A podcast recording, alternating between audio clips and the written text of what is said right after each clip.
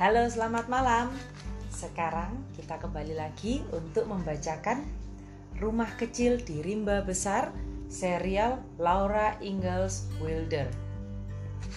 Nah, kita sudah sampai di bagian yang keenam atau episode yang keenam dan seperti kalian lihat di sini di YouTube channel saya. Oh ya, sebelum lupa ya, semua podcast ini pasti akan ada di YouTube channel saya dengan nama Ellen Anastasia. Jadi buat kalian semua teman-teman yang mendengarkan atau anak-anak yang mendengarkan, kalian bisa cari di YouTube channel dengan nama saya Ellen Anastasia. Kemudian jangan lupa subscribe, pencet tombol lonceng supaya kalian bisa dapat update-update video yang terbaru dari saya. Dan jangan lupa like, share, dan komen karena berbagi itu menyenangkan dan juga memberi saya semangat untuk terus menciptakan video-video baru. Oke, dari dari seluruh chapternya ini ada 1, 2, 3, 4, 5, 6, 7, 8, 9, 10, 11, 12, 13 Jadi ada 13 dan kita sudah sampai pada episode yang ke-6 dari 13 Asik Ya, oke. Judulnya pada episode yang ke-6 atau chapter yang ke-6 ini adalah Dua ekor beruang besar Seperti apa beruang besarnya kemarin sudah saya tunjukkan Nah, seperti ini kalau dilihat di sini, satu beruang, yang satunya ini batang pohon, bukan beruang. Menarik kan? Ayo kita dengarkan ceritanya seperti apa ya. Kemudian, suatu hari Pa mengatakan bahwa musim semi telah dekat. Di rimba besar, salju mulai mencair. Cairan salju menetes dari dahan-dahan dan ranting membuat lubang-lubang kecil pada salju di bawahnya. Di tengah hari, batang-batang es yang tergantung di tepi atap bergetar gemerlapan di sinar matahari. Butir-butir air bergantungan di ujung-ujungnya. Pa mengatakan bahwa ia harus pergi ke kota untuk menjual kulit-kulit binatang berbulu yang telah ditangkapnya sepanjang musim dingin. Pintar ya Pak ini. Oke, lanjut. Bulu-bulu itu telah digulungnya menjadi satu gulungan besar. Begitu besar sehingga setelah ditekan kuat-kuat dan diikat erat-erat, besarnya pun masih kira-kira sebesar pa. Padahal kalau yang saya tahu di ceritanya Laura yang sampai buku keberapa itu ya? Pokoknya diceritakan pa itu tinggi besar. Berarti kalau gulungan bulu binatang itu begitu besar berarti super besar. Suatu pagi pagi-pagi sekali pa memanggul gulungan kulit berbulu tadi dan berangkat ke kota begitu banyak kulit yang dibawa sehingga ia tidak dapat membawa senapannya Ma merasa khawatir tetapi kata Pa dengan berangkat sebelum matahari terbit dan berjalan cepat sepanjang hari, ia akan sampai kembali ke rumah sebelum malam tiba. Kota yang terdekat sangat jauh. Laura dan Mary belum pernah melihat kota. Mereka belum pernah melihat toko. Mereka belum pernah melihat dua buah rumah berdiri berdampingan. Namun, mereka tahu di kota banyak sekali rumah dan ada toko yang penuh dengan kembang gula. Kain belacu, kembang, serta barang-barang lain yang menyenangkan. Mesiu, peluru, garam, dan gula toko.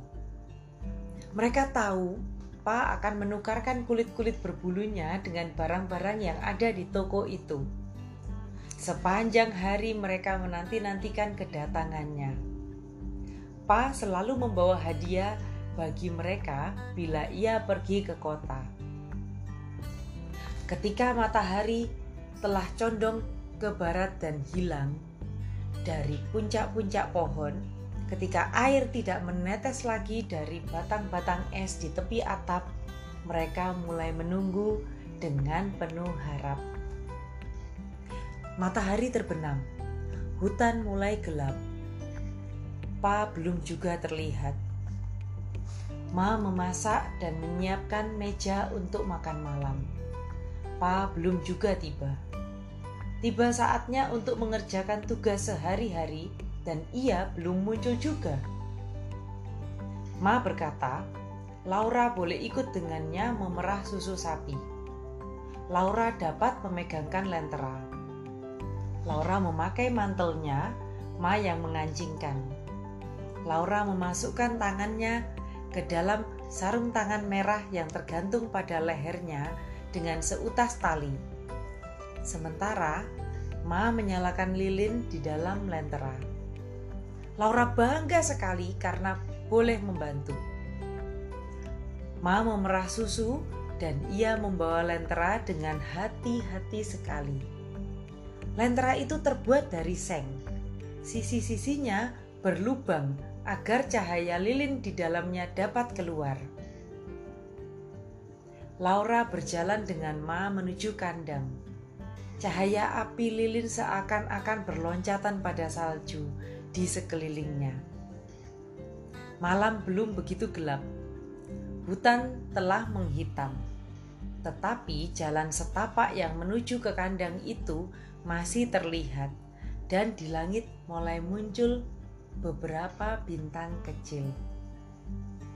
Bintang-bintang itu tidak seterang dan sehangat lentera yang dibawanya. Laura merasa heran melihat sosok tubuh Sake, sapi mereka yang berwarna coklat yang berdiri di luar kandang di dekat pagar. Ma juga heran. Musim semi belum datang sepenuhnya jadi belum waktunya Sake keluar merumput di rimba besar. Mestinya ia berada di dalam kandang terus. Namun, memang kadang-kadang bila hawa tidak terlalu dingin, Pa membuka pintu kandang Sake agar sapi itu dapat berjalan-jalan di halaman. Kini, Ma dan Laura melihatnya di balik pagar halaman kandang menanti mereka. Ma mendorong pintu pagar, tetapi pintu pagar itu tidak bisa terbuka sebab tubuh Sake yang besar itu menghalanginya. Sake, Sake menyingkir, kata Ma, menjulurkan tangan dan memukul punggung Sake. Tepat pada saat itu, secercah cahaya lentera melompat masuk di antara kayu pagar dan Laura melihat kulit yang berbulu lebat hitam dan panjang, serta sepasang mata kecil yang bercahaya-cahaya.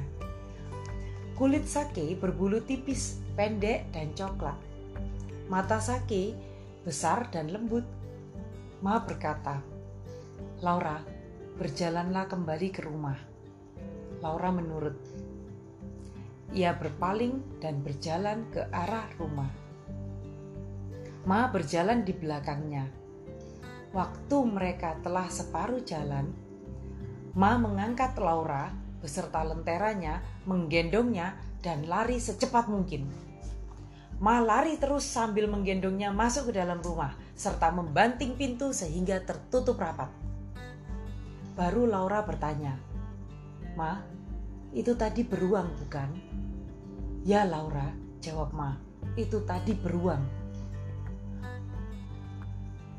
Laura menangis, memeluk Ma dan bertanya, "Oh, ia akan makan sake?" "Tidak," saut Ma memeluk Laura. "Sake aman di dalam kandang. Kandang itu tertutup. Ingat Laura, betapa tebalnya dinding kandang. Pintunya berat lagi kokoh. Tidak mungkin dapat dimasuki beruang." "Tidak, beruang itu tidak akan dapat masuk ke dalam kandang dan memakan sake." Ini gambarnya ya, saya tunjukkan.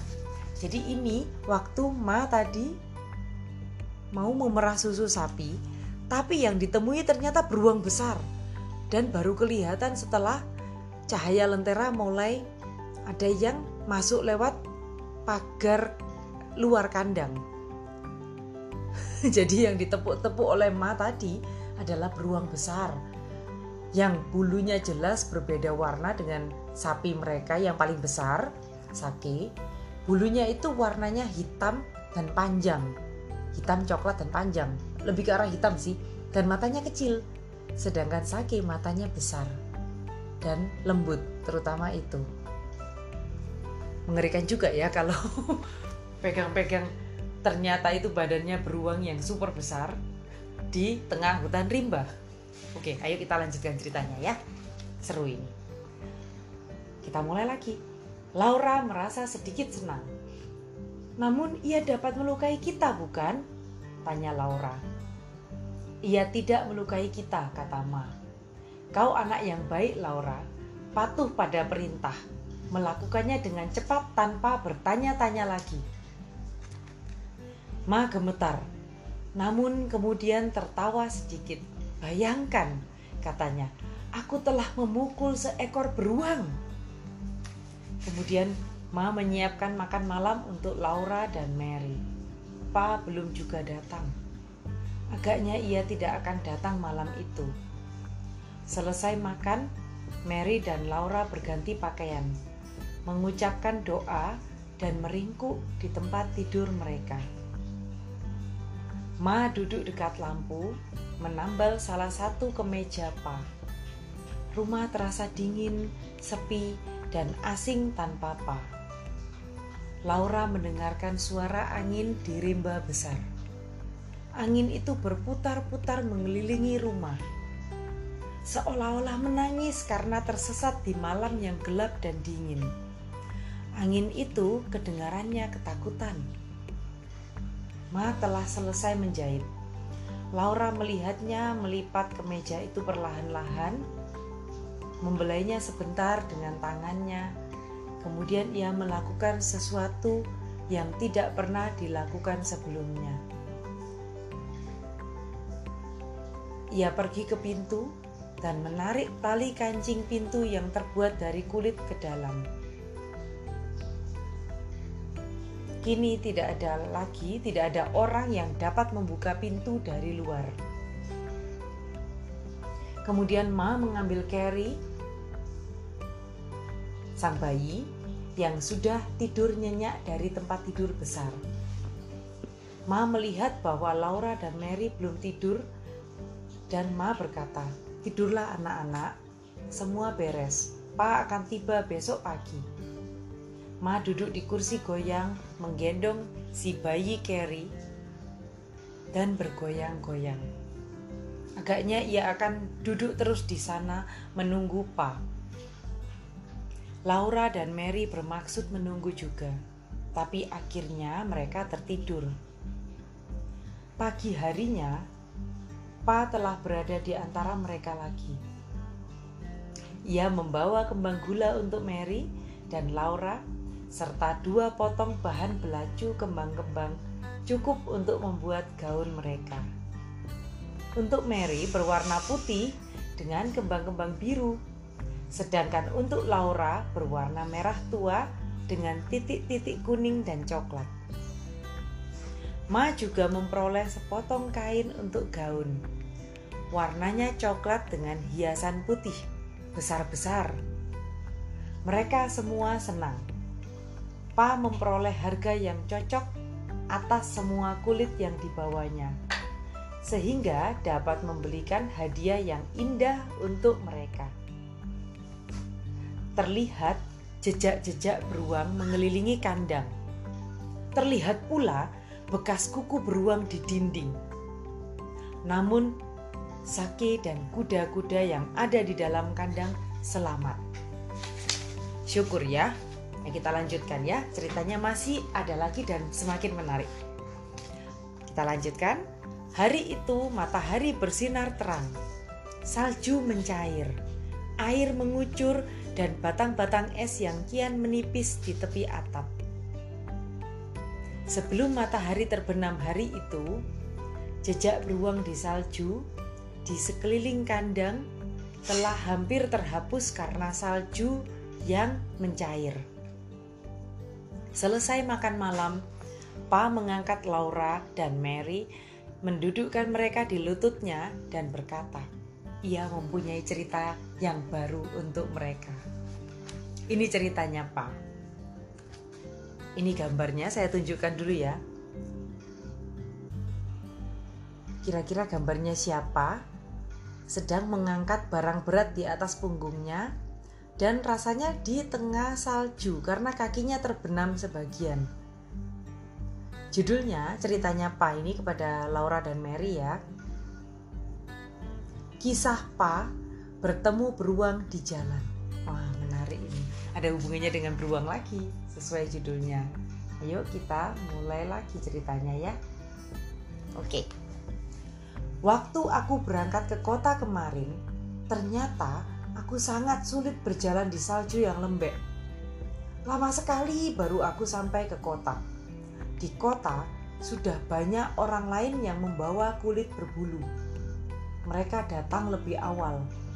Pemilik toko sangat sibuk melayani mereka, sehingga terpaksa aku menunggu.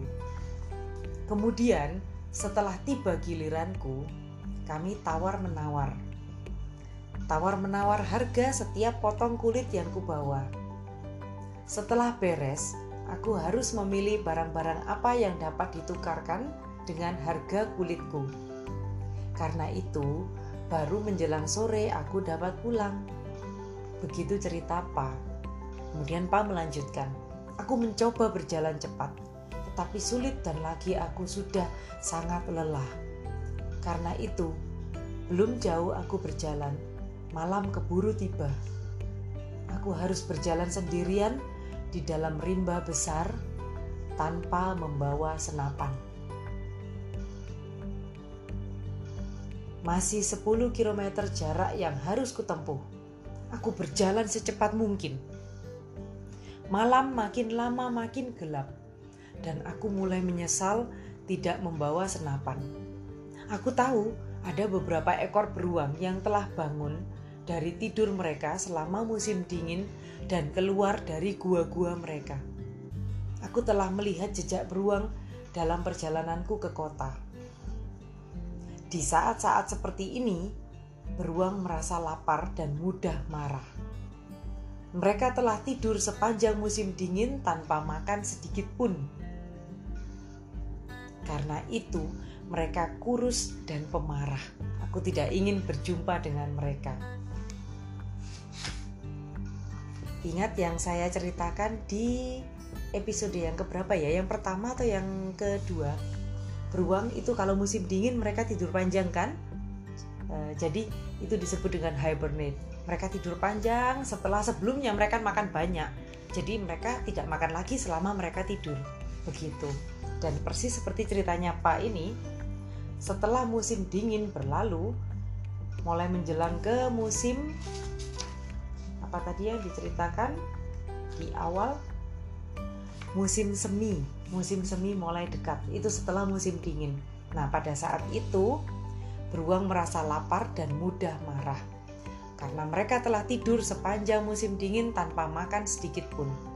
Karena itu, mereka kurus dan pemarah dan Pa tidak ingin berjumpa dengan mereka saat seperti itu. Nah, Pa melanjutkan ceritanya. Aku jalan tergesa-gesa dalam kegelapan.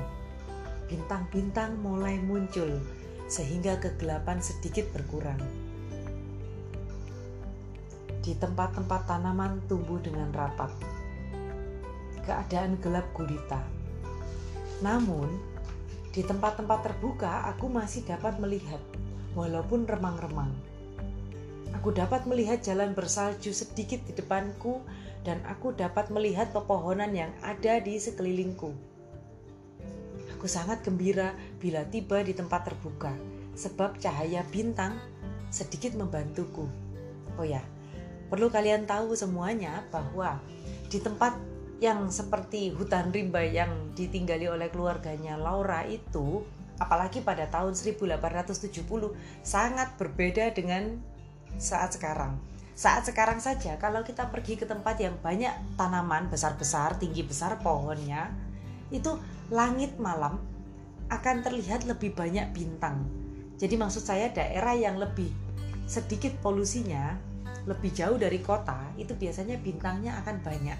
Apalagi di tahun 1870-an di mana belum ada kendaraan asap kendaraan asap pabrik itu pasti langitnya masih sangat jernih dan cantik jadi kalian bayangkan ya Pa berjalan di rimba besar itu bintang-bintangnya betul-betul banyak dan sangat membantu nah kita lanjutkan lagi ya kebayang ya kira-kira saya suka sekali membayangkan ini Aku sangat gembira, katanya Pa, bila tiba di tempat terbuka, sebab cahaya bintang sedikit membantuku. Sambil berjalan, aku berjaga-jaga kalau-kalau ada beruang yang muncul. Aku memasang telinga. Biasanya beruang berjalan sembarangan saja menembus semak-semak. Kemudian, aku sampai di sebuah tempat terbuka. Kulihat tepat di tengah jalan seekor beruang besar dan hitam berdiri menghadang. Ia berdiri di kaki belakangnya, seraya melihat kepadaku. Bisa kulihat matanya bersinar. Bisa kulihat hidungnya bagai hidung babi. Bahkan aku dapat melihat salah satu cakarnya di cahaya bintang. Bulu kudukku berdiri. Aku berhenti terpaku Beruang itu pun tidak bergerak, terus memandang kepadaku. Tidak ada gunanya mencoba berjalan mengitarinya. Dengan mudah ia dapat mengikutiku. Di tempat gelap, ia bisa melihat lebih dengan jelas. Tidak mungkin bagiku mengalahkan seekor beruang yang kelaparan di tempat gelap. Oh, kalau saja aku membawa senapan. Aku harus melewati beruang itu untuk pulang. Aku pikir mungkin aku dapat menakut-nakutinya. Mungkin ia dapat kuusir dari tengah jalan sehingga aku dapat lewat. Demikian pikir Pak. Karena itu, ku tarik napas dalam-dalam dan tiba-tiba aku berteriak sekeras-kerasnya dan berlari mendekatinya dengan tangan melambai-lambai. Namun ia diam saja. Aku tidak berlari, aku tidak berlari terlalu lama. Segera aku berhenti dan memperhatikannya. Masih saja ia berdiri tegak memandangku. Aku berteriak lagi. Ia tidak bergerak. Aku berteriak-teriak terus sambil melambai-lambaikan tangan. Namun hasilnya tidak ada juga. Ya, kupikir tidak ada gunanya aku melarikan diri dari beruang ini. Masih banyak ruang lain. Lolos dari beruang ini, aku akan bertemu dengan yang lain. Karena itu, lebih baik ku lawan saja. Toh, aku sedang pulang untuk menemui Ma dan kalian. Kalau sedikit saja ada apa-apa aku takut dan menghindar, kapan lagi aku akan sampai di rumah? Pikiranku sudah tetap. Aku melihat berkeliling, ku ambil sepotong kayu besar, kuat dan berat. Mungkin kayu itu patah oleh beratnya salju. Namun, kayu itu cukup kuat untuk dijadikan penggada. Ku ambil kayu itu dan aku berlari langsung ke arah si beruang. Ku angkat penggadaku, ku ayunkan sekuat-kuatnya ke atas kepalanya. Terdengar suara berderak keras. Beruang itu tidak bergerak.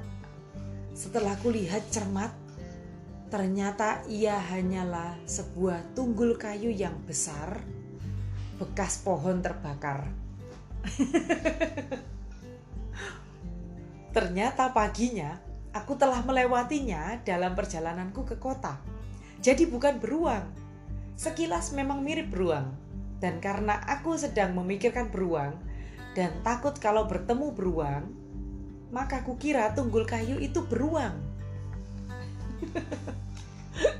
ini ya foto ini gambarnya bukan fotonya gambarnya pak yang tinggi besar dan berlari membawa kayu yang besar juga untuk diangkat tinggi-tinggi dipukulkan ke yang dia kira itu adalah kepala beruang.